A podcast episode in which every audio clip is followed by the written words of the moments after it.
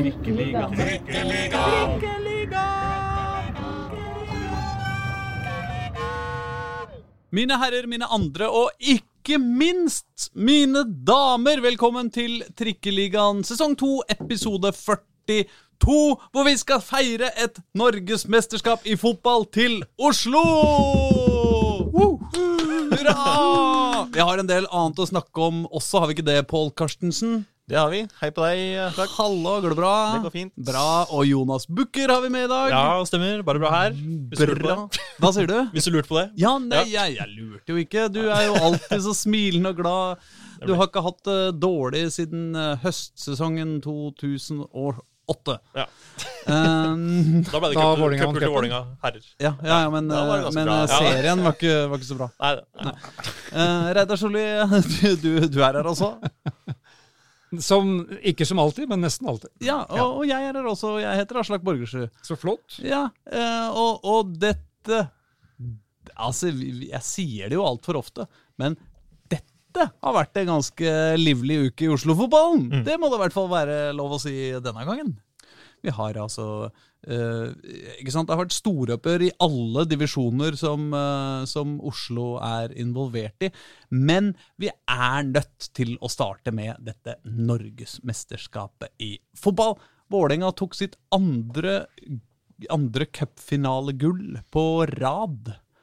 Ah, det var gøy, Pål. Ja, det var kjempe, kjempegøy, faktisk. Eh, Første gangen til Vålerenga er jo noe av det beste jeg har sett de har spilt under Jack Maigård Jensen. De var veldig, veldig gode. Eh, full kontroll på et Sandviken-lag som da var ubeseira Mm. i, i år. Eh, så det var kjempeimponerende. Andre gangen ble jo litt mer hektisk. Men eh, Særlig mot slutten. Kjempegøy. Ja, men det var jo litt sånn eh, Litt gøy, det òg. De hadde jo Eller kanskje ikke for de som Altså, Vålerenga-fansen, da. Bomma jo på straffe, Sandviken. Hadde jo flere kjempesjanser. En på åpent mål. Det, altså, det var eh, Men som Dejan Stefanovic sa liksom etter eh, kamp, så var det eh, Når du bomma på straffen her, så visste jeg bare at her kommer vi til å vinne. Så hun var liksom ja, Det her er jo ikke noe stress, liksom. Selv om det var den ene kjempesjansen etter den andre, og stress, og keeper som eh, flaksa ballen i stolpen, egen stolpe, og det var liksom hun Det, det syns jeg var veldig fascinerende der. Eh, Vi som så det utenfra. Altså, VIF-keeper Hanna Sebert hun, hun bidro til eh, dramatikken her og til Ja, nervepresset. altså, det var en gang, eh, halvannen gang, eh, egentlig, hvor hun Ja. får eh, nokså enkle baller som hun Åh, herre min hatt, nesten greier å fomle, fomle bak i eget mål. Eh, Sandviken har vel et eh, stangskudd eller to, har de ikke det? Men det har jo Vålerenga også, altså. ja da, de Vålerenga var har vel jo også et par antall eh, ja, Sunn Jensen hadde jo to i tverrligger. Men Vålerenga hadde altså to eh, fenomenale mål, eh, eller i hvert fall ett veldig veldig fenomenalt, ved eh, forrige ukes gjest, Marie Dølvik. Som eh, kommer på en liksom, rask overgang når eh, Hvem var det som vinner ballen på midtbanen der? eh? De er, altså, det, gjorde de ganske ofte. For det var, det var liksom hele tonen i, eh, i Vålerengas spill. Det var jo at de var eh, De sto veldig høyt og pressa de. Eh, og så har jo Sandviken spilt en trebakslinje, så det var mye rom på kantene. Mm. Og det, det utnytta jo Vålerenga veldig bra. Dølvik spesielt, men også Thea Bjelde i, eh, altså i det mellomrommet. Mm. Det som var mellom da de trebakslinja og midtbanen. Der fant hun rom hele tiden, så de satte opp trekanter som de fikk spilt og utnytta veldig bra. Mm. Så det der veldig høye eh, presset der gjorde at de skapte sjanser på sjanser, og det var sånn målet kom. Og når eh, ballen ble da tredd ut til eh, Dølvik på, på kant der, som køla den rundt, eh, rundt keeper, etter kvarterspill. Og det er jo vanskelig å komme opp mot eh, fjorårets eh, Dølvik cupfinaleskåring. Vi snakka om det i eh, forrige, forrige uke, at hun hadde lyst til å, å ta en til. Men, men det var ikke noe gæren scoring, det her heller. Altså, det var sånn, sånn man skal køle ballen rundt keeper når man kommer inn litt på skrå. Eh, altså, Textbook fantastisk. i curling. Textbook curling. Det. Valgte det var nedre hjørne i år. Og det var vel i samme mål og i samme hjørne som i fjor. Ja. Ja, bortsett fra at det var nedre Ja, ja, istedenfor oppe i øvre. Og, og, og, og ti meter nærmere mål. Det teller jo for noe, det også, men uh, veldig koselig. Så skal det jo sies, da, at uh, den Eh, nå, eh, fyll inn stygt adjektiv, passe stygt adjektiv eh, med litt humoristisk snert. Eh, Marie snakka jo om i podkasten også i forrige uke at eh, hun hadde kanskje lyst på et eventyr. Og, en, eh, og en, en tur til et litt land langt borte, eller noe sånt. Det får hun. Det får hun. Det kom fram eh, en halvtime etter cupfinalen eller noe sånt. At hun skal ha Hun skal en fire måneders kontrakt eh, i New Zealand. Men da rekker hun å se det starten her i 2022? Ja, ja hvis, hvis, hvis, det ikke går, hvis det går like bra som sist hun dro til utlandet, mm. så, så gjør hun jo det. Ja, vi får jo satse på at du får spille én kamp, da, i hvert fall i den utenlandsoppholdet her. Det var vel ikke så veldig mye spilletid du fikk i, i Wolfsburg. Mye skader der òg. Ja, det var det. Men, Eh, men, men hva, hva har det å si for trikkeligaens eh, evne til å hanke inn de riktige gjestene, når begge VIFs målskårere har sittet her i dette studio på veien til denne bedømmelige finalen? altså, det er vi som vant cupfinalen, Ja, egentlig. det er jo egentlig det. Ja. Eh, Så vi tar jo bare all mot all hyllest av Vålerenga. Hvis Vålerenga damer vil vinne noe, så er det bare å så Hvis de har noen medaljer til overs, så tar Ja, ja. vi jo imot. Vi liksom. tar det. Altså, det er jo sånn. tross alt De kan jo bare be om å få en ekstra medaljer. ja, Men jeg har jo skjønt at de er veldig spent på hvem vi inviterer som neste gjest eh, foran vårsesongen ja, neste år. ja, det, det, det skjønner jeg godt. Men det, vi, vi gjør jo selvfølgelig et usedvanlig grundig analysearbeid før vi eh, inviterer gjester, så det blir ikke noe hvem som helst som får reke inn her.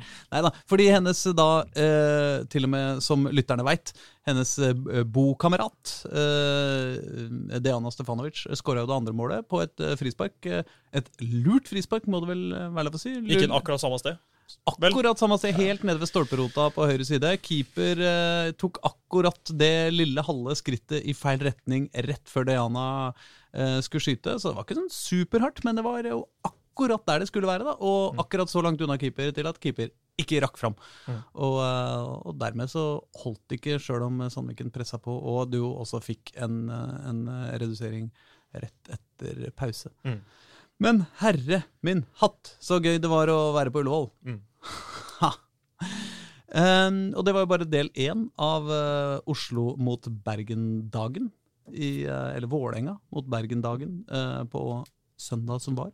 Vålerenga tok jo imot Brann hjemme um, bare noen timer etterpå. Etter en eh, aldri så liten Valenturettes-konsert på Øst, så var det opp på, på tribunen på, på Intility, og da var det jo nesten så det gjentok seg, holdt jeg på å si. Eh, også der skårte Vålinga et mål rett før pause. Mm. Eh, Riktignok så var det eh, på herresida det første målet til Vålinga, Mm. men, eh, men likevel. Og da fikk jo endelig Vidar Ørnen Kjartansson en, eh, en eh, scoring, og en bra en òg. Ja, Han skåra jo forrige runde òg, mot Sarpsborg. Ja, det er sies. sant, det er sant, Eh, eh, Men eh, han er litt uh, Ja, han er litt på gang igjen, da. Uh, Vidar Ørn Kjartansson.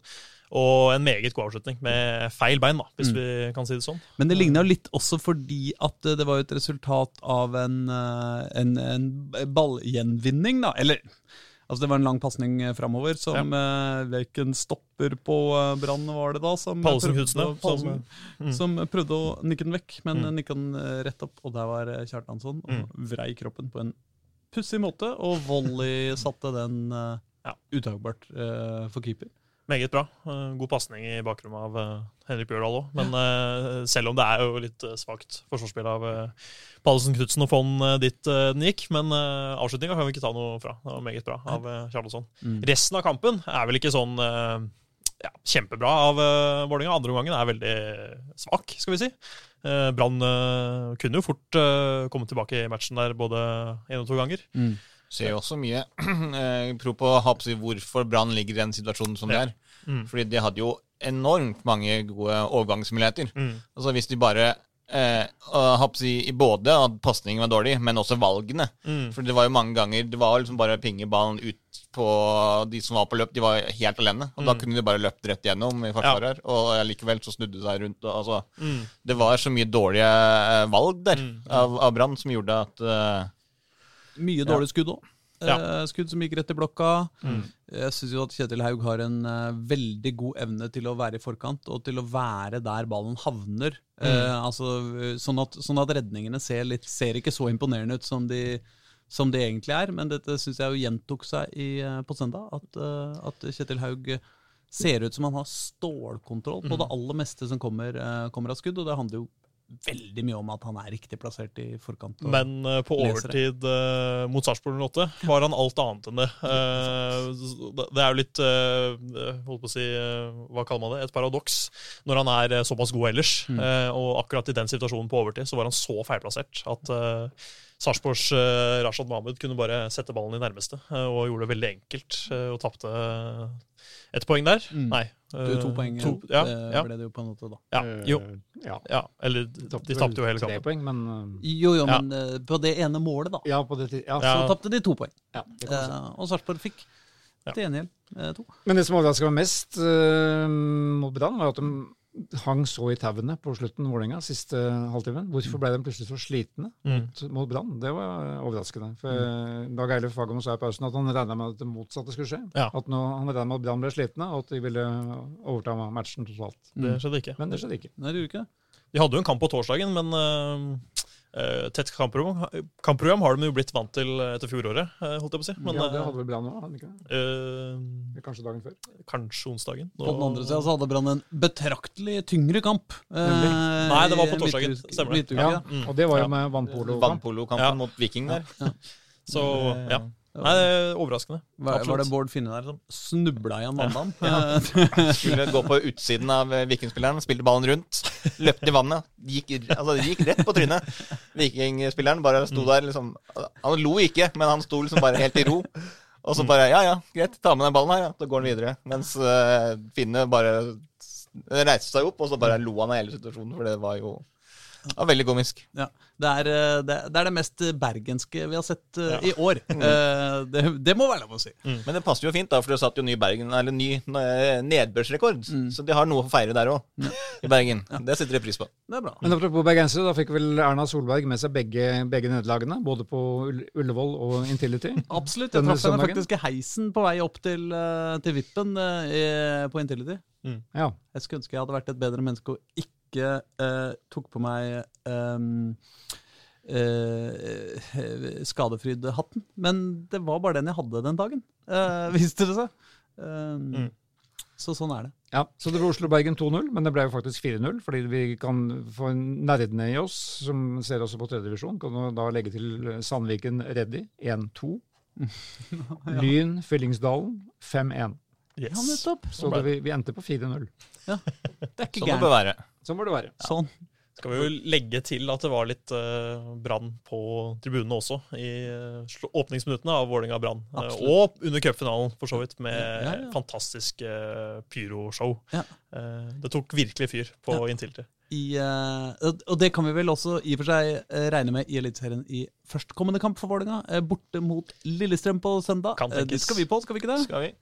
Eh, der, eh, Jeg husker da jeg var der eh, forrige gang, eh, som var siste bortekamp før eh, korona. Da ble det ganske hett, og det var både dart eh, eh, dartblinker og, og, og, og i, eh, møblement som fløy veggimellom. Ja. eh. Havna noen bluss på banen også. Ja, og Ja, det gjorde det. det var jo mye bluss inni de der leiligheter, blokkleilighetene som ligger, der òg. Ja, det var bare én, men eh, ja. Ja, Men én kanskje er litt for mye, da. Eh, ja, ja, jeg er enig. det endte vel med at NFFs berømmelige sikkerhetssjef Ellefsen Ja entret, entret gressmata og stoppet det hele. Ja, prøvde på en måte. Prøvde Altså, det, er det, det. er det mest eh, Det, det beste GIF-øyeblikket i, eh, i norsk fotball eh, de senere år, hvor, hvor han løper ut på banen og vifter med arma som at dette denne kampen skal avsluttes nå, før dommeren eh, eh, forklarer han hvem det er som bestemmer på banen under en fotballkamp. Og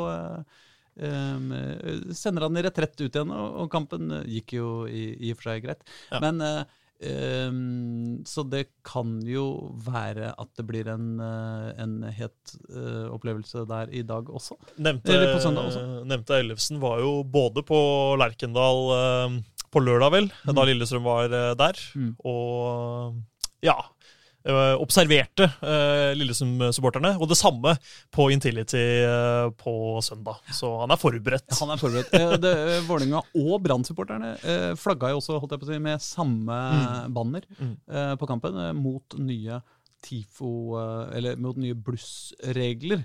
Eh, som er en altfor komplisert affære til å gå inn i. Men det er noen nye regelendringer på gang som kanskje ikke egentlig er ment for å begrense uh, blussing på tribuner, men kanskje gjør det likevel, som, uh, som er noe greier. Men nå viser, ser det jo også ut til at NFF har satt blussbøter på pause Mm. til de finner ut hva som foregår. For nå blusses det jo praktisk talt i hver eneste kamp i hele Eliteserien. Så det er klart at det, det blir mye bøter å skrive ut for Ellefsen hvis det skal, eh, hvis det skal fortsette å Men sånn. det er vel sånn at fotballforbundet ønsker er jo ikke, de, de liker penger. Så det er ikke sånn at eh, fotballforbund uh, ikke ønsker å ta seg betalt. Nei, da, men de har stoppa bøtelegging nå, da. Jeg, jeg var jo på pressekonferansen i går med, hvor jeg spurte om dette til Pål Beketvedt, generalsekretæren. Jeg fikk jo verdens lengste svar. Eh, Det er jo umulig å gjengi. Men eh, kortversjonen er jo at de vil tillate blussing. Bare, de må bare finne, finne formen på det. Og de ansvarlige på stadion var vel ikke akkurat bekymra for blussinga på Intility, i hvert fall, eh, Reidar. Nei da, og det Stig Ove Sandnes, som er stadionsjef på Intility, han sa jo at dette har Vålerenga som klubb full kontroll på. Men Mm. Det eneste han var redd for, var da bluss som ble kasta ut på banen og Ja. svir høl i kunstgresset. Ja. Men det Brann- skjedde da ikke. som Brann-supporteren gjorde i 2019, som vi husker. Ja. Eh, rett etter Lillesund-Vålerenga. Det skal jo også sies at uh, uh, uh, i supportermiljøer eh, så er det en nokså utbredt oppfatning at eh, når NFF sier de er for blussing, så jobber de samtidig mot det. Ja. Uh, så, så det vil jo tida vise framover nå, Mm. hvordan, uh, hvordan det der går. Om man kan få noe uh, få det, få det få legalisert Mm. blussing. Samme det. Vi får se. Vi får se. Fantastisk ramme var det i hvert fall. Ja. Mm.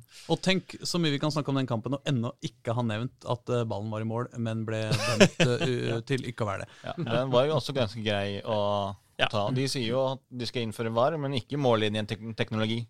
For det hadde jo Altså, det, det hadde jo hjulpet i den situasjonen. For det er, det er sånn, da har du, får du bare beskjed på klokka at den er inne. Mm. Men hvorfor kan du ikke bare se på TV at denne ballen er inne? Ja ja. Det er jo ikke lov, da. Det er ikke lov til å se på TV, nei. Nei, Nei. For, altså, for de som, dommerne, når de ikke ser det, så kan jo ikke de Men det er jo, sant, det er jo hele grunnen. Hadde du hatt VAR, så hadde du vært null problemer å se at den er inne. Klart, klart inne. Det er mål. Jeg lurer på om vi skal bevege oss videre til uh, Obos-ligaen. jeg. Eh, der har det jo nemlig også vært et, eh, et par kamper. Vi har eh, ett Oslo-lag som kjemper om eh, å eh, kvalifisere seg til opprykk, og vi har ett eh, Oslo-lag som kjemper mot å kvalifisere seg til nedrykk. Ja. Eh, sånn kan vi vel si det. det si det. Hvis vi begynner på toppen, Koffa har jo hatt en eh, vond periode. Men, Mm. eh, men eh, hvordan, eh, hvordan har de gjort det denne uka? Ja, det starta jo på fredag. Eh, Ja, altså de ja. har gjort det eh, bra, eh, vil jeg si. Fordi de hadde jo tre strake tap der først. Og det, der, der var spillet også ganske dårlig, mm. etter at Stian Sortevik la opp. Men så la de om formasjonen da, til kampen mot Ålesund hjemme. Mm. Det endte riktignok med, med 4-2-tap, men de la om til, til 3-5-2. Mm. fikk mer balanse inn i laget. Eh, De jo, satte jo opp eh, Jørgen Hammer på, på midtbanen, blant annet. Eh, han fikk sin første 90 minutter på, på lang tid etter skade. Men du, du så at selv om de tapte, så var det en helt annen altså Det var en helt dynamikk. De skapte ting. De skårte jo mål igjen for første gang på, på tre kamper.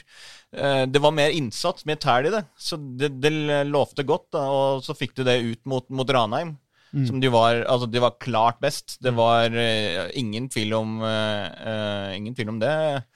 Tok jo ledelsen, uh, skapte masse sjanser, så utligna selvfølgelig Ranheim. Og da tenkte vi sånn Aff, Er det liksom det igjen? Men så varte de bare på og skapte masse sjanser og vant. Helt fortjent den kampen eh, 3-1, og det var Jeg tror det var godt eh, også, fordi det var Forrige gang Koffa tapte fem kamper på rad, det var når de spilte i andredivisjon i 2017. Så det er ikke, de er ikke vant med så mange tapsrekker sånn som de har, eh, har hatt nå, og spesielt da inn i en avsluttende del av sesongen, så er det i hvert fall ikke bra å ha en sånn tapstrekk på, på, på gang. Nydelig litt, skåring eh, av eh, Bilal Njay. Ja, Mm. Eh, litt skryt av Jørgen Isnes der for å ha tatt, eh, tatt noen grep.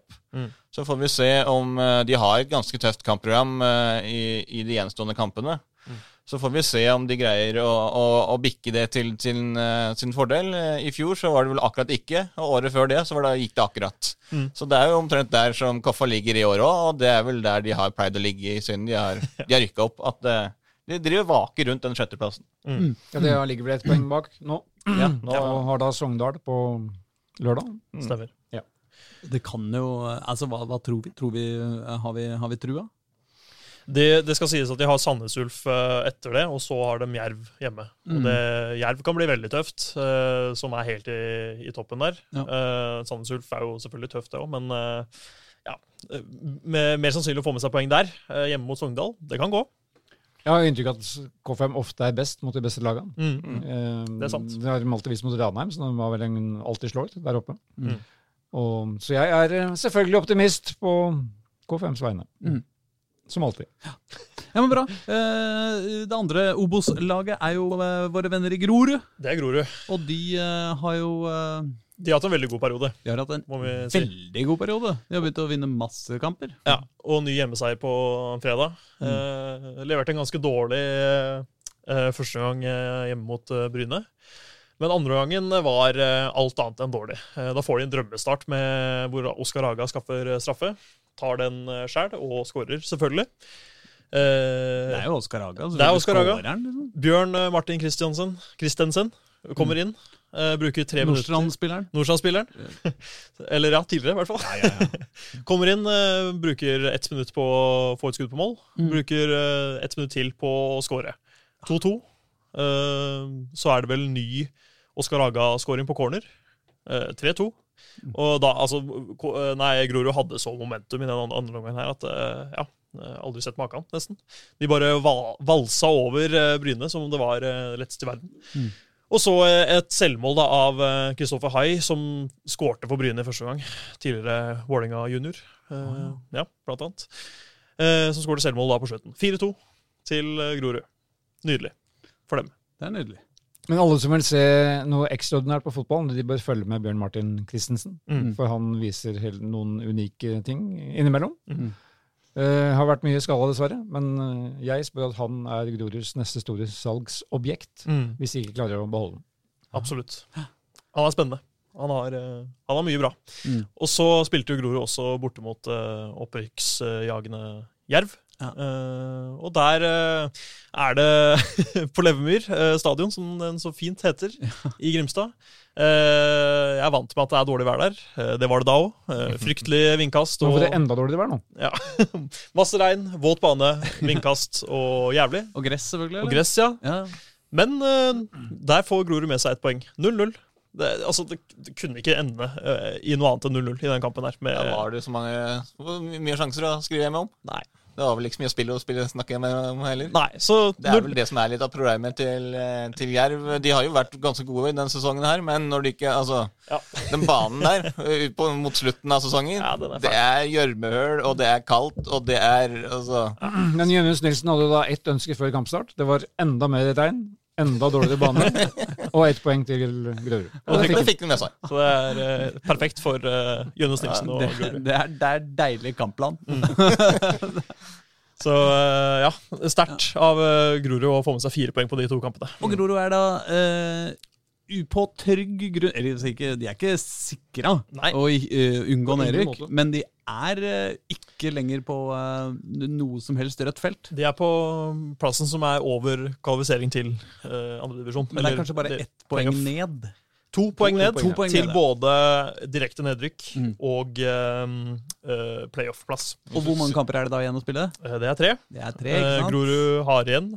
skal vi se. Åsane nå, på, nå til helgen. Mm. Det stemmer. Så Harem. Eh, to sekunder. Strømmen borte, og HamKam hjemme. Det er den Strømmen-kampen vet du, som vi har snakka om. Altså, HamKam-kampen kan jo gå hvor som helst. HamKam har jo rykka opp allerede, men Ja, eh, det er jo også et Ja. Altså, vi kan, ikke, vi kan ikke kvalitetssikre alle som kommer inn i studio her, tydeligvis. Um, nei da. Men, uh, men det er jo den Strømmen-kampen, da. Mm, Eh, For Strømmen er jo, med, er jo absolutt i denne sumpa. ja, de er jo lengst ned i sumpa. Lengst ned nede i sånn. sumpa. Uh, så ja, det burde være mulig å få poeng der, ja. Ja, men Det eh, Men er- de kan vel være, Strømmen kan vel være klare for nedrykk før Ja, den kampen? Ja, det kan man det. sannsynligvis. Men det som også teller veldig til uh, Grorud fordel, er jo kampprogrammet til Stjørdals Blink, som Mm. også ligger bak de, som jo De spilte jo i den der avbrutte kampen i Sogndal, der han Emil Palsson fikk uh, illebefinnende, som det heter. Eh, så de må jo avslutte den. Og så har de jo HamKam, Åsane og Ålesund igjen. Mm. Og det er ikke sikkert de kommer til å ta noen flere poeng Mm.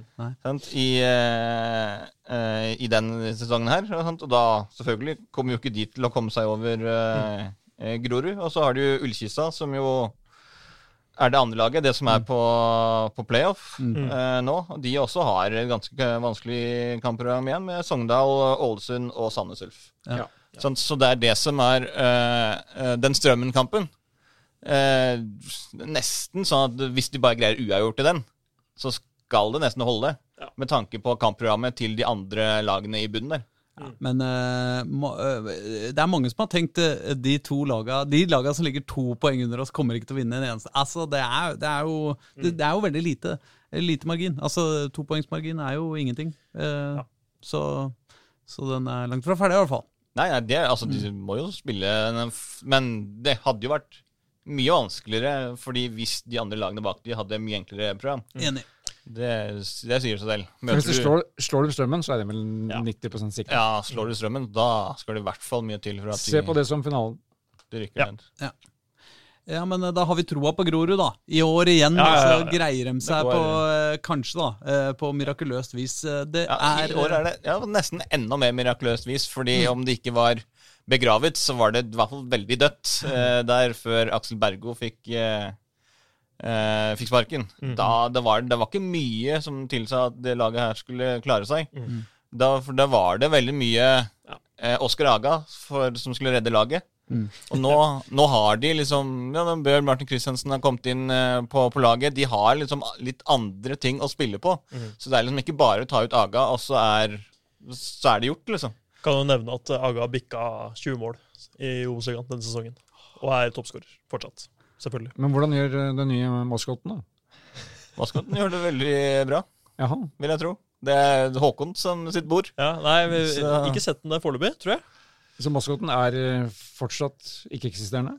Ja, jeg har ikke sett den, jeg Nei, jeg har heller. ikke sett Men den på kampdag. Men det er mulig at ikke- den, Men eh, den fins. Ja, de har vel offentliggjort Altså, Nei, så vi jo- må hente inn Håkon to Ja. Ja. for å få oppklart dette her. ja, dette, dette må vi åpenbart snakke om når vi veit hva vi snakker om. Jeg lurer på om vi hopper enda en divisjon ned, det, folkens. Og da begynner det jo virkelig å lukte kuler og krutt her. Eh, I et av de aller beste opera som fins i Oslo-fotballen om dagen, nemlig Skeid mot Kjelsås. Eller rettere bestemt Kjelsås mot Skeid. Det var vel på Grefsen stadion du skulle gå av stabelen. En kamp som eh, var kjempeviktig både i opprykkskampen til Skeid og i uh, nedrykkskampen til, eh, til Kjelsås. Mm. Hvem var det som var der? VG var Ja, der. ja, jeg var ikke på jobb, bare. Men eh, ja, du dro dit eh, på rein eh, hobbybasis? ja, og det var helt nydelig. Det, jeg er så glad for at jeg gjorde det. For en, for en kamp vi Ja, fikk. det var kjempegøy. Det er ikke ofte du snakker så mye om, om kamper i norsk andredivisjon. Uh, selv Sjøl om ja, Og dette her var jo helt uh, Det virka jo helt uh, tullerusk moro. Ja, det var kjempegøy. Det var akkurat sånn et lokalopphør skal være. Altså, det var eh, kontroversielle dommeravgjørelser, det var rødt kort, det var straffer på overtid, det var Ja. eh, Folkefest. teltet, det var folkefest, det var eh, kjempefint vær. Det var liksom Alt Ja, det- var helt, helt nydelig. Det var uh, akkurat sånn det skal være. Men det var Skeid som, uh, som tok, uh, tok ledelsen. Nei. Var det ikke det? Nei, det var Kjelsås. Det var Kjelsås, ja. ja og Fortell Kjelsås om dette kampforløpet litt. Ja, ja. Kjelsås styrte hele kampen. Var suverent best den første timen, eh, før uh, Akenbola Ja. Akenyemi ble utvist. Fikk jo straffe før det, og skårte Ja da. ved, ved Midtskogen. Eh, den også ja, Skal vi kalle den en tvilsom, da? Eller et, en del Skeid-supportere her som mener at uh, hvis du kaller det tvilsomt, så er det, så er det feil. Det fins dommere som, hadde, som ikke hadde dømt straffe på den situasjonen. De aller fleste si sånn. hadde vel egentlig ikke gjort det, tror jeg. Så det, det, er vel, det er vel ganske greit å si at de to straffene de fikk, var feil. Ja. Mens de to straffene de ikke fikk, skulle de hatt. Ja. Så kanskje i sum så endte det opp med at de fikk Mm. korrekt antall straffespark, bare at de var feil uh, idømt. Alle Den fire. jeg, men altså, du mener at uh, Skeid skulle hatt Nei, Kjelsås skulle ha to andre straffespark? Ja, det, jeg må ærlig innrømme at jeg veit ikke hvilke situasjoner. Jakob Hanstad skulle jo hatt eh, straffespark i Ja, første gang. første gang. Ja, Ja, okay, og så ja. skulle jo eh, han som ble utvist, Ja, kunne jo også ha fint hatt straffespark når han er alene igjen og bare blitt dytta over ende Ja. av uh, Skeid-kaptein Fredrik Bergli. Husker ikke den situasjonen, men det er mye mulig. At, Så ja. Altså, men det snakkes jo for mye dritt om kompensasjonsdømming eh, i fotballen. Altså, det er jo ingenting som er bedre enn en god kompensasjonsstraffe.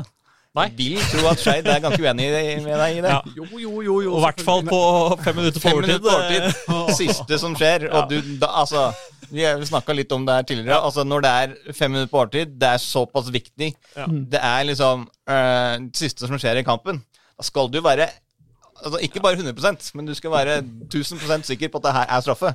For det er det siste som skjer, og du får så stor i påvirkning. Og ja, dommeren visste med kroppsspråket sitt, etter å ha avventa bitte litt situasjonen eh, Kroppsspråket han viste da han eh, pekte på straffemerket, det var tydelig. Han skjønte at dette er kontroversielt. Og han gjorde det også, ja. Ja, ja altså Jeg oppfatta det sånn, at han skjønte at dette er en uh, stor avgjørelse. Uh, selvfølgelig. Men uh, det, det, er, det var jo ja, det var det. Det kunne jo hindra Skeid-opprykk og Men jeg, må si, jeg, har, jeg, jeg har sett den videoen en milliard ganger på Twitter, fordi alle jeg følger på Twitter, har posta I hvert fall alle de Skeid- Skeid-supporterne jeg følger på Twitter, har posta den en milliard ganger. Og, og eh, praktisk talt eh, ment at eh, Infantino har ingenting eh, i korrupsjonsmesterskapet å gjøre lenger. Mm. Altså eh, jeg må jo si, jeg, ser, jeg er jo enig i at den ser feil ut, men jeg syns jo ikke det er liksom den verste dommeravgjørelsen noensinne, liksom. Og den første straffa syns jeg er mer tvilsom enn den andre. Ja. Uh, hvis man kan sammenligne de to. Uh, Jeg skjønner at det gjør litt ekstra vondt. Ja, Eh, det, det- det, er- det ikke noe Men det er jo veldig smart uh, av Jesper Solli, som, som, som skaper begge situasjonene mm. for Kjelsås. Mm. Eh, særlig den siste, at han, at han klarer å lage den situasjonen Ja. ut, at han, ut av en ikke-situasjon, egentlig. Og det var den sjansen de hadde i kampen. ja. Altså, Etter at uh, Akademi ble utvist, så ble jo Da snudde jo Skeid kampen eh, til, til 2-1 plutselig, og Kjelsås ble jo trykka langt bakover. Og det var stort sett altså, ja, Det var vel kanskje én av fem ganger hvor de var over midtbanen da, eh, i andre Ja, gang. det var ikke, ja, etter en utvisning Ja, så var det ikke så ja. mye de, de hadde kommet med. Uh, Abel Stensrud, årets eh, Skeid Komet, skåret si. jo igjen på en veldig akro akrobatisk og uh, god måte. Men det var vel 2-1-skåringa? Ja, det var jo det. Ja. Og så før det så hadde jo uh, Kjelsås dødaren, mannen som alltid skårer mot eh, Kjelsås, Jonny Budesson, kommet inn. eh, spilt sin første kamp siden skaden. skaden. Eh, kommet inn og, og utligna. Eh, det var jo etter eh, David Hickson kom ut på siden her, banka ballen knallhardt opp i krysset. Og da eh, ballen nå i, forbi ned, ja. tverrligger ned, og så gikk den jo liksom akkurat i sånn vinkel at den gikk, falt rett ned på panna til Budson, Ja. som jo heada den i, i mål. Og da, når de snudde den kampen, det var vel seks minutter igjen, eller Ja. noe sånt, da var det, det var veldig lite som tyder på at Kjelsås skulle komme tilbake der. Så, eh, og Jesper Solli, når jeg snakka med han etter kampen, så sa han jo at det, liksom, det var ekstra deilig å få betalt fordi det var fem minutter på overtid. Han, altså, kroppen merka, han var sliten. Det var liksom egentlig bare en lang ball som Ja. egentlig bare skal skjermes ut. Og så når han gikk Eller hvis Haider Altai, som da var forsvarsspilleren til Chais, som var involvert der, hadde fulgt grunnregel nummer én få den ballen vekk, så hadde det ikke blitt en situasjon. Men han prøvde å skjerme den ut da, og det var, og det var det Jesper Solli skjønte. At da prøvde han å ta en sving rundt den. Ja. Og det klarte han. Og av alle lag eh, så er jo Kjelsås et lag som er kjent for nettopp å, å kunne den kunsten å få den ballen vekk. Eh, så så, så eh, det var riktignok på andre sida av banen. Men dere skjønner hva jeg mener. Men angrepet var jo i Stig Mathisens ånd, ja. Ja. Den lange ballen opp. Det var jo hans oppskrift. Ja. Få den ballen inn i feltet. Jeg kan Så ikke kan treffe hver gang.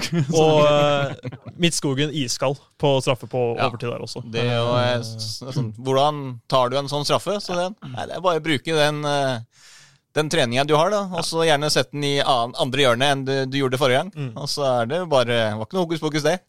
Nei, for det var litt spesielt. Var alle barn under tolv år på Grefsen stadion samla seg vel bak det målet. Ja. Altså før han skulle ta den straffen. Oh, ja, for å skrike. Så det var jo helt svart av folk bak Ja, ja, det målet. Det var sånn som Ja. På Ullevål stadion i 50-tallet, hvor folk løp ut på banen og bak mål for å se på straffesparken.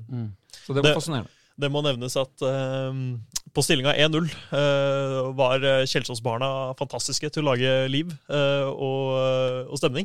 Eh, og brukte eh, hva heter det, altså reklameveggen til å skape Som trommer, liksom. Som trommer, ja. Ja. Og lagde veldig god stemning. Eh, På 1-1 kommer en haug med Kjelsås eh, Nei, eh, unge Skeid-supportere og, og hysjer på Kjelsås-gjengen. Og det var et morsomt eh, øyeblikk. Og i hvert fall på 2-1 hysjes det enda mer. Hva skjedde på 2-2? Kjelsås-barna løp tilbake til Skeidsvingen og hysja på dem igjen. Det var helt nydelig. Det er deilig. Sånn det skal være. Det, og tenk deg de, altså om ti år, da, når disse, disse folka blir voksne, og mm. sånn unge, unge voksne med, med finlandshette og, og bluss eh, i hver hånd. Eh, det kan bli noen skikkelig oppgjør på, eh, ja, på både, både Nordre Åsen og Grefsen stadion. Det var nydelig stemning på Grefsen stadion. Var Men var det. Skeidoksene som vant bunnekampen da i gåseøynene, eller var det Nei, det var var- tvert imot. Tvert imot, Eh, Jeg ble nesten litt overraska over hvor lite jeg hørte fra Skeidoksene. Okay. Nå satt jo du midt i da, men så vi eh, hørte jo fortsatt. på andre, Eh. eller på andre siden av banen, da, så var det jo eh, Altså, Skeidoksene var jo ikke noe overlegne. Men det var liksom ikke Det var nok ikke sånn tvert imot. De, de lagde jo selvfølgelig liv, men eh, Og litt av kampbildet òg, selvfølgelig. ja, det, det, det var liksom det. Det, var eh, spesielt da utover i andre gang, etter den traffen, så, så tok de jo tok de av. Mm. Men nei, altså, de De kunne nok mobilisert eh, enda mer. Mm. Det, det kunne de. Men uh...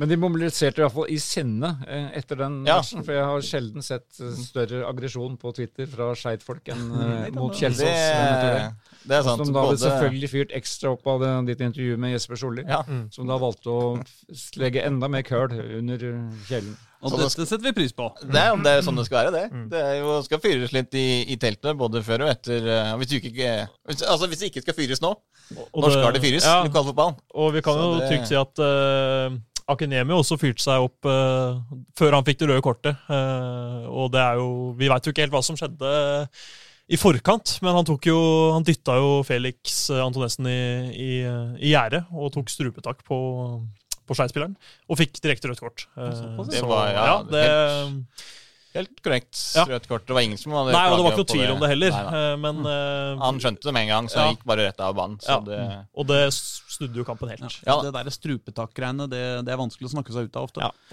Men bare apropos publikum, da, så, så driver jo nå Skeid og selger ut uh, Nordre Åsen uh, så, så godt de kan til sin neste hjemmekamp mot Rosenborg 2.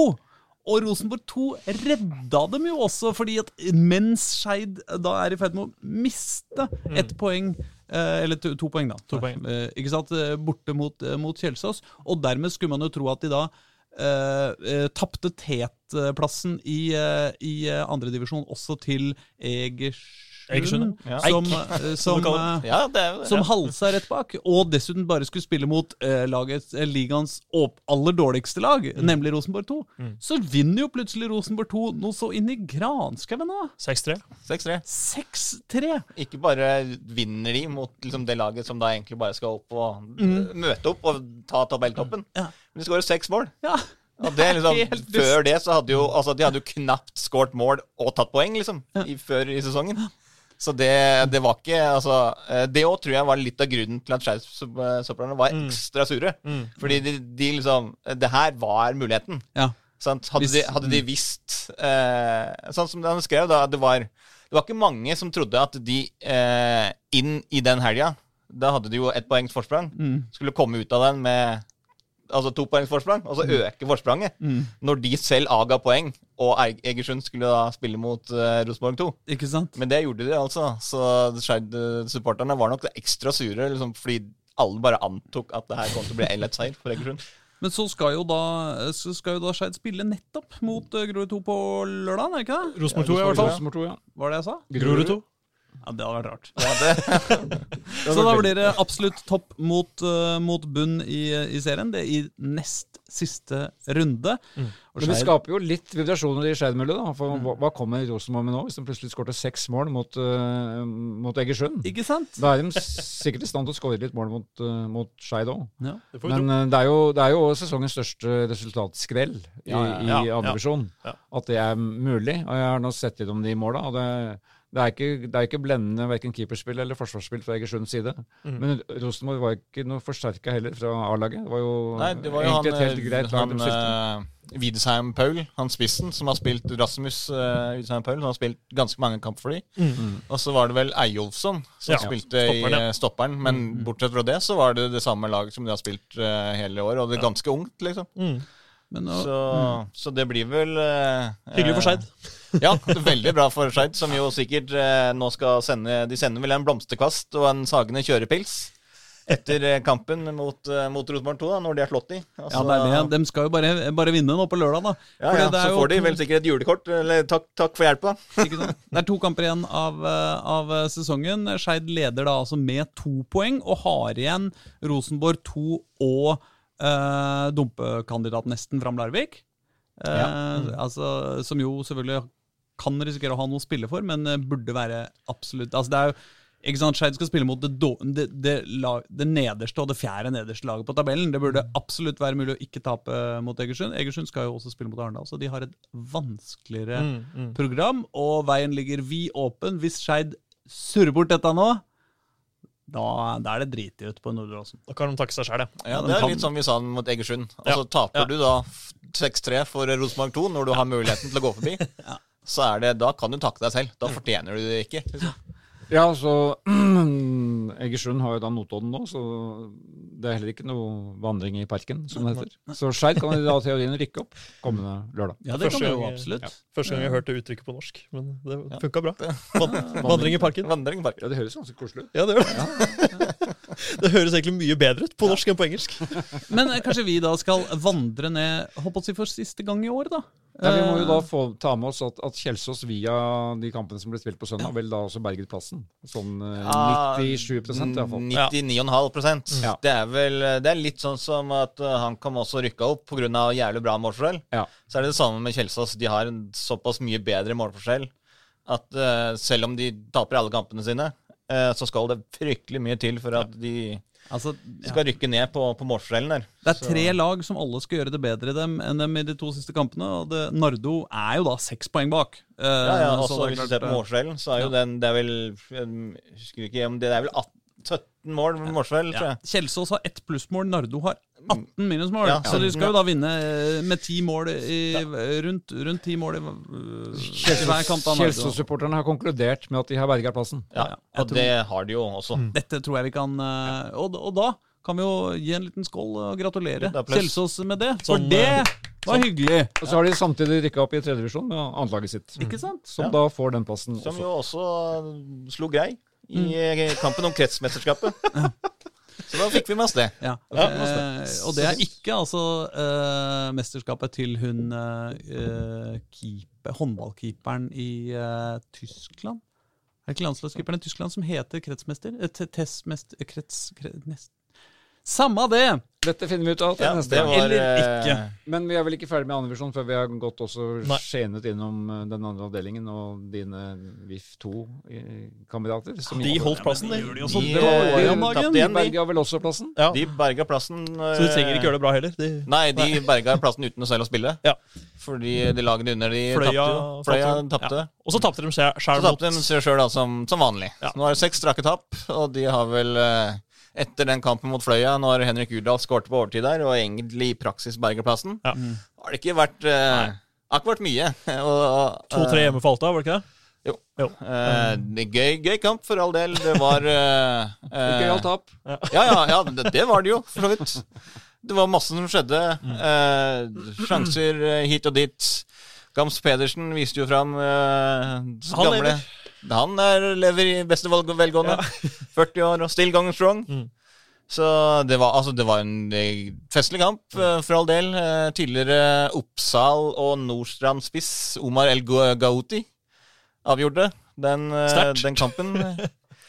Futsal-legenden fra Grorud har jeg sett. Han er vel 16 landskamper på, på futsal-landslaget, så jeg når jeg sjekka han opp.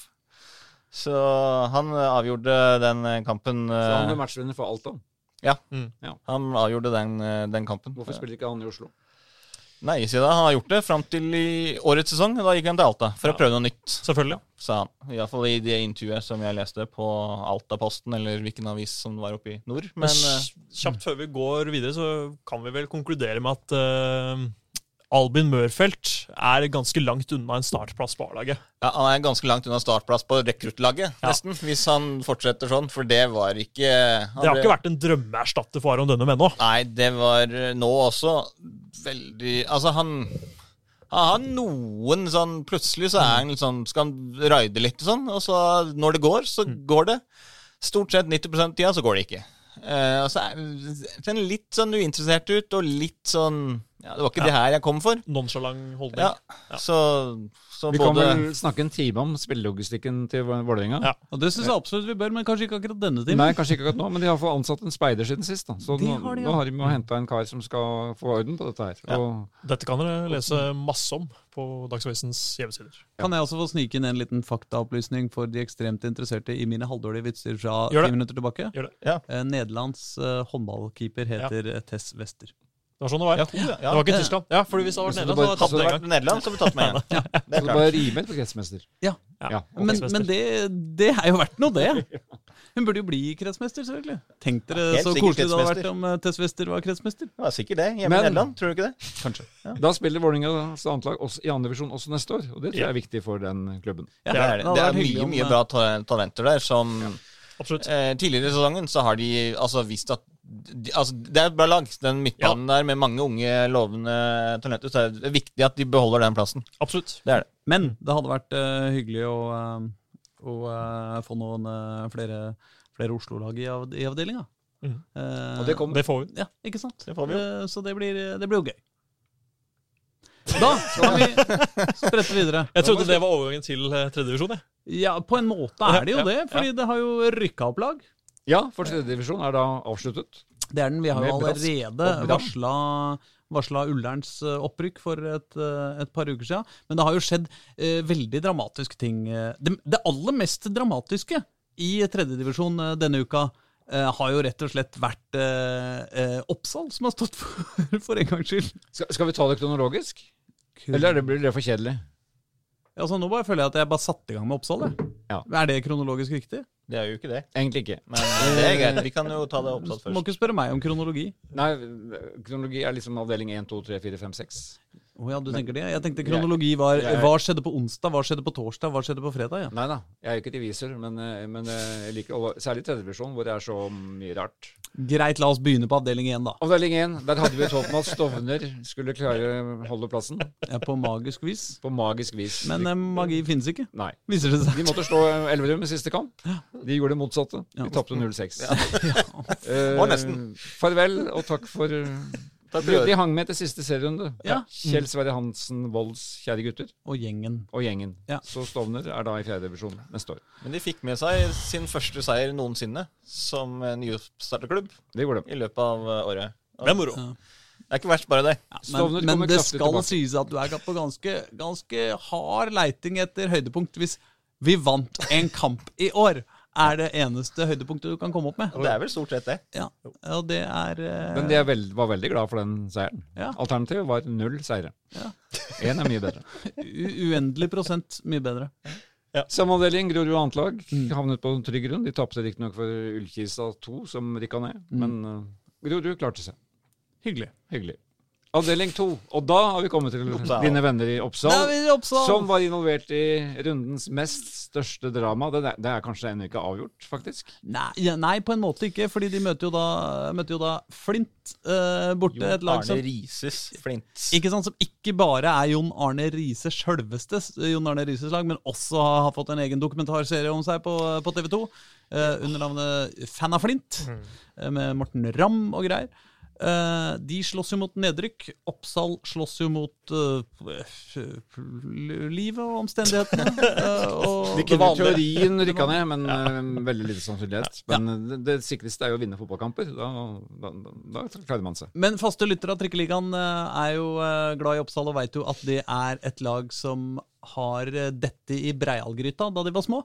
Eh, Så eh, daglig leder Jørgen Grydeland eh, slo jo til med at eh, de gleda seg til å, til å reise til eh, hvor det nå er, og sende Flint eh, Tønsberg, ja. ja. til Tønsberg, og, og sende Flint ned en divisjon. Mm. Eh, og det gjorde de jo.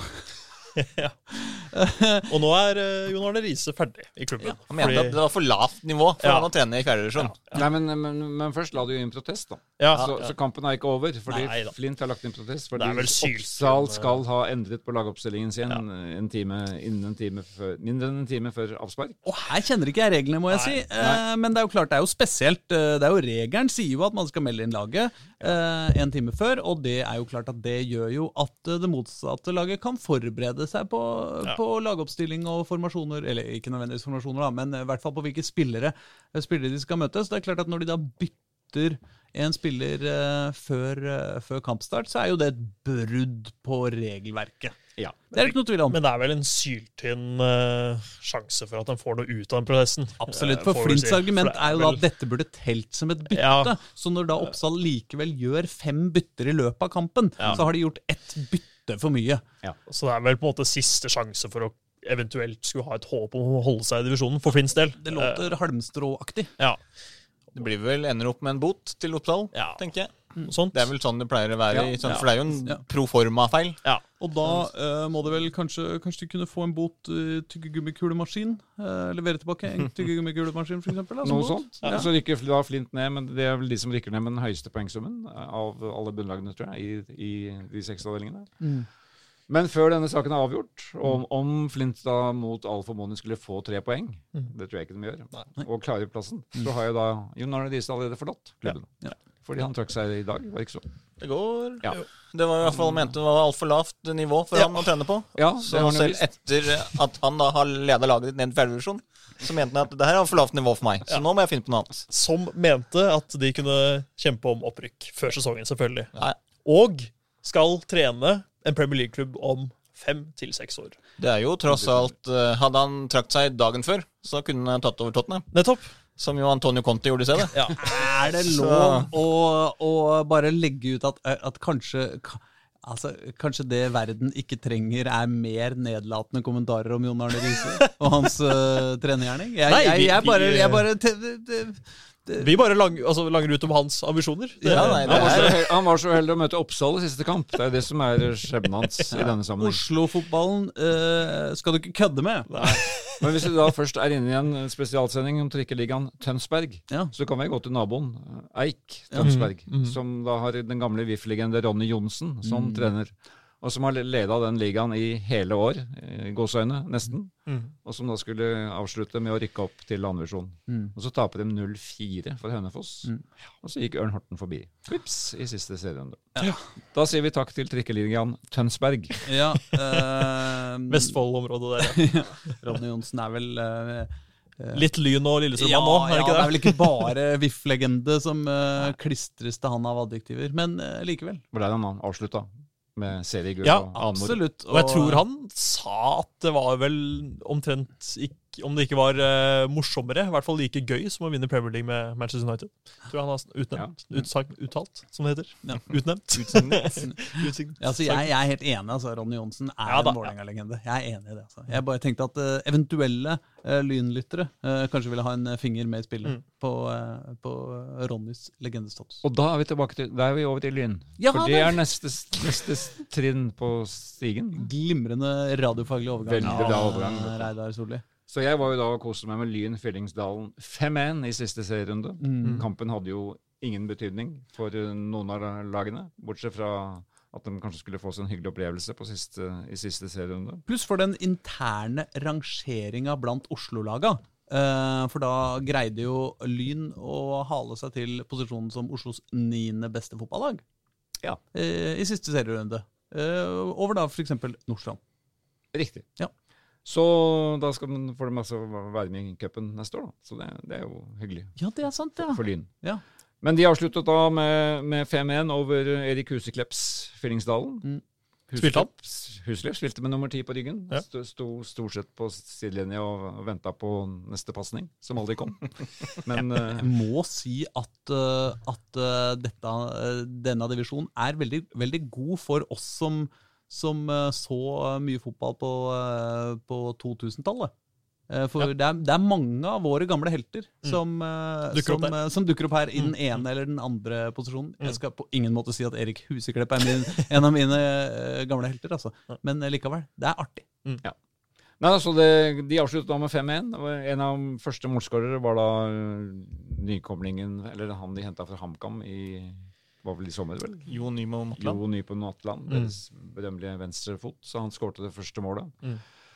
Eh, så hadde de lagt inn en markering for hans avdøde venn i Lyn, som hadde drakk nummer åtte tidligere i sesongen. Mm. Så han tok, sa, tok da av seg drakta i forbindelse med den feiringen av den skåringen. For han hadde åttetallet tegnet inn på brystet. Mm. Da skal man jo få gult kort, ifølge regelverket, ved å ta av seg drakta. Mm. Men denne dommeren i denne kampen var da så storsinnet, så han skjønte historien. Mm. Visste historien. Snakk, tok en liten prat med Nattland. Mm. Ikke noe gult kort. Jøss. Dette var en verdig feiring. Dette Så dette skal setter vi dommeren, pris på. dette skal dommeren ha honnør for. Som vi da burde burde nevnt navnet på, men det har vi jo ikke her. Men det skal vi komme tilbake til, kanskje. Men eh, Så da endte Lyn på en eh, femteplass. Fjerde, nei, nei, en de endte på fjerdeplass, Fyllingsdalen endte da på plassen foran, faktisk. Mm. Mm. Men den store begivenheten var selvfølgelig Frigg, Mm. som kunne rykke opp. Og Magnus Aadlands menn reiste da til Årdal, mot allerede nedrykksklare Årdal. Dette var da i Øvre Årdal, selvfølgelig. Kampen ble spilt. Ja. Men, Hvem var det du spilte mot, sa du? Årdal! Årdal, ja. Nedrykks-Årdal. Kampen ble spilt i Øvre Årdal. Sånn var det. Ja. Kun kunstgress. Ja, okay. Foran Ikke Årdal kunstgress, altså. Nei, Jotun kunstgress. Jotun kunstgress. 162 tilskuere. Men Friggs altså det, er jo noe farlig med sånne kamper som de må vinne. Ja. For det skal skåres et mål. Og det hadde jo vært nok om ett mål, og det varte og rakk og varte og rakk. Og det første målet kom, kom da omsider ved Ulrik Ferrer. Men det er jo fortsatt 1-0 er jo fortsatt en sjaber ledelse. Hvor, alt kan skje i fotball, det vet vi jo. Mm. Og Fana var da opprykksrivalen, som da ledet sin kamp. Og ville da gå forbi hvis, hvis Frigg eh, slapp inn et mål Mm. i Årdal. Men det gjorde de ikke. De fikk 2-0 på et selvmål da i en ti minutter før slutt. Og da kunne feiringen starte, og Frigg er tilbake i, i andre divisjon. Mm. Og det er fullt fortjent, for de har jo leda fra start til mål. nesten i... Mm. De slo ikke minst opprykksrival Fana 6-1 i første seriekamp. Mm. Så dette virket fullt fortjent. Sterk sesong. Ubeseira gjennom hele sesongen. sesongen. Gleder oss til å se Vital Gaba herje i andre divisjon neste Ja. for Frigg. Det er klare. Deres siste tap var cupkampen mot KFM i, Mm. i vår en gang. I sommer, vel. I sommer, På var en det måte. kanskje. Eller, ja, altså, det er jo, vårsesongen, Vi er så forvirra i disse Ja. Cupen er- cupen lever sitt eget liv. Ja. Ja. I hvert fall for menn. Men Men det blir hyggelig å få Frigg- se mer til dem. Fri- Frigg for meg er et lite kultlag. Mm. Det, altså, jeg må inn, bare litt inn og studere dem. De, de gikk også med millionoverskudd i, i fjor. De har 1300 medlemmer i fotballgruppa. Det er en ganske svær klubb som, som rykker opp. Mm. Og, men det er klart entusiasmen, og de har en del å gå på når det gjelder eh, ikke minst kamprop, som da heter FRIGG. Frigg, frigg, frigg. Det er, der har de kanskje litt å gå på. Frigg er digg er ganske bra hashtag. Frigg er digg er jo også en, eh, også en Så- eh, så den er ganske bra. oppkomming, ja. Der har de, de gjort det bra. Men Det er jo eh, veldig lett uh, ord å rime med. Eh, det, det, det må det være lov å si. Så, så Frigg er digg. Kan vi bombe en sigg, for eksempel? Ikke sant? Det skal vi ikke gjøre, for det er, skal vi ikke oppfordre Nei, vi, vi skal Magnus, ikke gjøre det. Men- Magnus Aaland, deres uh, trener, er da invitert hit, så han skal vi da få snakket med før neste sesong, i hvert fall. Han som er så lett å få tak i? Han, Ja. Han eh, svarer på julaften og andre dager. Jeg ser for meg at uh, jeg og Jonas må ta en sånn liten, uh, liten kamprop-brainstorming på Ja. forhånd som vi kan overlevere, sånn at, Ja, eh, sånn at eh, de, de har noe bedre å komme med til neste år. Ja. Ligg med Frigg. Eller ikke. Eller ikke. Siste laget i avdelingen var Reddy, som da vant som sagt borte mot Sandviken og berga plassen og gjorde vel sin beste plassering på lenge. Ny Oslo-Bergen-kamp der, ja. Som Ja. vi nevnte i stad. Ja, Det som er at Frigg er også sånn der 50-tallslag, vet du. Det blir litt sånn, jeg føler at eh, ikke sant? Alltid frisk og alltid pigg. Frigg, frigg, frigg. Ja, ja, ja. Det, er, det er egentlig der de burde være. ja, ja. Altså, så har vi hatt Filmavisen, der er de gode. Ja, Ikke sant? Ja, ja. Så var det jo der Egil, Egil Drille Olsen vel hadde sine, noen av sine beste siste år, som, både som spiller og trener. Så de Ja. har en uh, vid historie. Absolutt. Ja. Aller rareste historien deres er jo at de skulle arrangere altså Av en lang grunn så arrange- arrangerte cup, Frigg cupfinalen i 1926. Mhm. som da skulle mm, overføres i radio for første gang. Mhm. Ja. Men arrangørklubben Frigg sa nei, for da regner med at det ville gå utover publikumsoppmøtet på Ullevål stadion. Ja. Så da kom det vel bare De trodde vel da bare det kom 25 000 istedenfor 35 Mm. Så Frigg har hatt makt i norsk fotball Ja. og norsk mediehistorie. Men dette kommer vi sikkert tilbake til. Det er så mye vi skal komme tilbake til, og da er det jo Vi kan flaks komme at tilbake til en ting her òg. ja. Dommer i Lynkampen. Magnus Henriksen Kjelle fra Reddy. Ja, Men han er eh, nordlending. For eh, Matland er jo også nordlending, og han trodde at det, at det spilte en rolle i, i avgjørelsen hans. Ah. Om at de hadde samme lynne, for han, den, denne kameraten hans var jo fra Tromsø opprinnelig. Ja. Matland spilte jo Tromsø og Tromsdalen. Så, men han spiller for, eh, han dømmer for Reddy nå, ja. Men all ære til han. Veldig bra. Og Og kjære da- lytter, hvor ellers ville du fått denne informasjonen? Eh, det lurer jeg på. Nei, men Da er vi kanskje gjennom tredjedivisjon for i år, da? På ingen måte. Å, nei. Nei, da- på ingen måte. Nå må du eh, roe han eh, her. Da er vi jo tilbake der hvor For ukas gjest Vi må kanskje begynne å snakke om han. Ja, vi må kanskje det. Vi har jo invitert Thomas Holm, den gamle VIF. Skal vi kalle han legende også? Eller, jeg føler at jeg bruker det ordet litt for ofte. Alle er legender. Jo, men altså, Hvis ikke Thomas Holm får være legende, hvem skal bære det da? Altså, Han har tatt andre- både sølv, gull og bronse med VIF, og det er ikke så mange som har gjort det. Ikke Så sant? Eh, Og så har han gull og sølv i samme sesong Ja. med to lag. det er også imponerende. Det er også imponerende. Og dessuten så har han, eh, så har han jo faktisk eh, Og det er litt sånn 50-talls eh, Filmavisen-style over det, da. At han har spilt eh, med broren sin på laget. Ja. Det er koselig. Ja. Eh, Han har jo dessuten Ja, nei, det er, det er så mye fint der. Ja. så har han trent under Ole Gunnar Solskjær. Og så har han eh, Ja, nei, alt dette tar vi med han etter hvert, for han er da gjest som skulle vært med her, men som i, av tidsmessige årsaker rett og slett må ha en egen Ja, episode med. vi På delte opp eh, denne. fredag? eh, ja, Så på fredag førstkommende så kommer, så kommer et, et eget intervju med, med Thomas Holm, og det blir deilig. Det blir morsomt. Og, og, og, og han er jo da også, tross alt, er det verdt å nevne, eh, trener for Nordstrand. Ja. Og grunnen til at vi inviterte den, var jo den fantastiske høstsesongen Nordstrand har hatt. Hvor da, da, da de spilte sine sju siste kamper. Mm. De vant seks av dem. Og en uavgjort. Og den siste med 0-0 mot Mjølner nå, nå sist helg. Mm. Alle de sju kampene mot nordnorske lag. De har hatt den tøffeste reiseprogrammet av alle lag.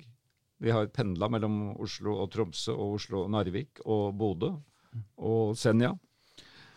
De har fått mye midnattssol i, i sommer. Eller i høst. Nei, sikkert ikke. Ny midnattssol. Mye. Mye. Mye, ja. Nei, men de har sikkert ikke det, for det var sikkert for seint på høsten. Men uh, samme det. De har Ja. vært mye i Nord-Norge. Det var bare det jeg prøvde å si.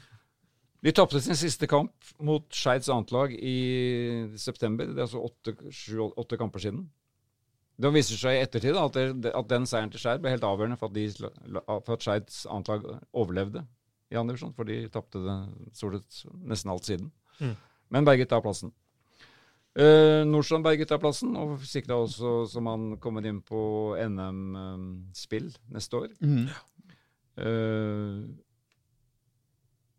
ved 0-0, som sagt, i Mjølner, hvor de da riktignok fikk straffe mot seg på overtid. Men deres eminente keeper redda den straffen, sånn at de ble ubeseira. Og så var det da prestisjeoppgjør eh, mellom nummer én og nummer to. Lokomotiv Oslo mot Ullern. Ja. Mm. På Friggs hjemmebane, selvfølgelig. For de spiller eh, Lokomotiv Oslo og Frigg spiller da på samme hjemmebane, Tørteberg ved Mm. Majorstua. Ja. Der leda Lokomotiv Oslo 1-0. Dette er en prestisjeoppgjør mellom disse lagene. Som vi var jo, hadde jo Didrik Bjelle her som gjest for noen uker siden. Absolutt. Og han var jo ønsket jo av Lokomotiv Oslo vel, som ny trener Mm. foran denne sesongen. Men han ble jo Ullern og fikk dem opp. Og Ullern snudde også denne kampen og eh, vant den, slik at de vant serien overlegent og var vel også da ubeseira Mm. hele sesongen. Etter riktignok cuptapet for Vålerenga i sommer, Mm. Som vi behørig har dekket før. Ja, absolutt. Eh, så på 90 minutter har ikke Ullern tapt en eneste kamp i år. Det er Det er riktig. Hvis det, Det er helt riktig. hvis det skal telle for noe. Men Ullern blir jo åpenbart et farlig lag eh, til neste år òg. Altså når de surfer gjennom så lett. Ja, Eh, litt samme som Frigg, egentlig. Ja. Det blir to bra andredivisjonslag, får vi tro. Ja. Det- Og vi får håpe ja. at de kommer i samme avdeling alle sammen. Håper alle, ja, sånn som Jesper Solli sa jo. Det, Ja, ja. det var derfor han ønska at Skeid ikke skulle rykke opp. Kunne hatt Skeid, og kanskje at Grorud skulle rykke ned. ja, ja. For da kunne vi hatt Skeid og Grorud og Kjelsås og Frigg og Ullern og altså ikke måte på. Strømmen eh, rykker jo også ned, Mm. så altså, det er ikke så langt. Nei. Så han tenkte jo mest på at det var greit å få samla alt sammen, for da slipper han å dra så langt på bortekamper. Men når vi nå får to Oslo-lag opp i andre div, så klarer vi ett Oslo-lag i Obos-ligaen til. Ja, Det er ikke Det- dumt, det heller. Men Nei, for, nei, eh, nei. for Jesper Solli så skjønner jeg at han vil ha Ja, flere Det bare hadde vært hyggelig om de fikk stappa seg litt i samme avdeling. Ja, det er Ja, det hadde vært koselig. det var Ja, for det, for den ø, avslutte seks, da, så var det, det siste laget vårt der, Skeids annet lag, mm. tapte også sin siste kamp, for de spilte da samtidig med andredivisjon på, på lørdag. Og det er klart Når Skeid ikke kan stille med noen spillere fra A-lagstroppen sin, Mm. da sliter de. Men de hadde som sagt berget plassen allerede før kampen starta. Fordi de slo Nordstrand for mange, mange, mange mange Ikke sant? Det ble jo etter hvert ganske Oslo-dominans. Altså, Ullern var jo bestelaget hele veien. Ja. Men det starta jo med at Nordstrand tapte vel bare seks kamper på rad. Så ikke sånn kjempebra ut. Lokomotivet Oslo starta bra og falt som stein. Mm. Og så har jo nå på høsten, og begge kommet uh, veldig høyt opp, så ble vel Ullern foran Lokomotivet Oslo, og så kom Nordstrand på fjerdeplass, eller noe sånt. Mm, mm. Så det ble en ganske sterk Oslo-dominans i den, eh, i den avdelingen til slutt. Ja. Altså, jeg syns hele Oslo kommune burde endre slagord etter denne fotballsesongen. Oslo dominant eh, på nivå fire. Ja. I avdeling C. Men det spennende nå er jo da altså Hvis Skeid da kan rykke opp i Obos-ligaen Det er jo litt morsomt poeng nå. Nå, nå spiller altså det, det, det er to lag i Obos-ligaen som ikke kan spille hjemmekamper etter, etter klokka ett om dagen, har jeg inntrykk av. Eller to er det vel. Det er K5, og det er Grorud. Og hadde Skeid vært oppe, kunne heller ikke de gjort det. Så Oslo er altså byen uten arena for Obos-ligalag. Ja, Men dette kan vi kanskje Dette er jo et eget tema. Så neste år på høsten, da, når, hvis Skeid rykker opp, så blir eh, Altså Hvis de da greier å sette opp alle lagene på hjemmebane da, samtidig, så vil jo alle da klokka ett. Eh, mens eh, Nordre Åsen kan jo ikke spille på i Obos-ligaen. Mm. Uansett. Altså, ikke bare fordi det er dårlig lys, men Altså, altså, banen- Ja, alt er for dårlig. Så i hvert fall så har jo eh, Men eh, Koffa skal jo heller ikke spille sin siste hjemmekamp på Ekeberg. Den, der er det leid uh, Intility. Mm. Så det er litt sånn uh... På den andre sida så står jo et par stadioner tomme i denne byen her òg, da. Ja. Altså Det går jo faktisk an i en fantasiverden å spille fotball både på Bislett og Ullevål stadion. Men, Ja, eh, men sant, skal du spille på Ullevål, da? Mm. Altså, da, Det taper du fryktelig mye penger på. ja, ja, ja. Det er uh, Så det i uh, Sådan er kapitalismen, som de sier. så, Men uh, konklusjonen må vel at tredjedivisjon er slutt. Ja, Den er det. Det stemmer. Og Thomas Holm kommer på fredag. Ja. Og har mye å berette om sin egen forunderlige karriere. Så hør på oss igjen da, og så, og så hør på oss igjen neste uke. Uh, hvor vi nå skal da, det, det, det aner jeg ikke. Men eh, det blir nok uh, Oslo-fotball. Det er uh, Lillestrøm-Vålerenga på søndag. Det nevnte vi kanskje. Det gjorde vi absolutt. ja. Skeid kan ha rykket opp. Det er mye Det å ta, ta Det tak i. skal, eh, det skal flaks til, men det kan være. Kan være. Siden tredje divisjon er ferdig, kan vi også nevne at fjerde div- divisjon er ferdig. Og der eh, kom eh, an, altså Adam Larsens Kvaraseis eh, FC Gamle Oslo, gamle Oslo, Ja. eh, på andreplass og kunne nesten rykke opp til tredje divisjon. Men det gjør du ikke, fordi Geir rykka opp. Målskårer Ja. i siste seriekamp for gamle Oslo. Tidligere VIF Junior og Ålesund-spiller Glenn Roberts. Det var for alle fotballnerder der ute, siden vi var uh, veldig nerdete inne på tredjedivisjon også. Glenn Roberts! Glenn Roberts. Bra innsats! Ja. Ok, men da sier vi det takk for uh, denne gangen. Og ses til uka. Høres, som det heter. Ha det. Ha det! Ha det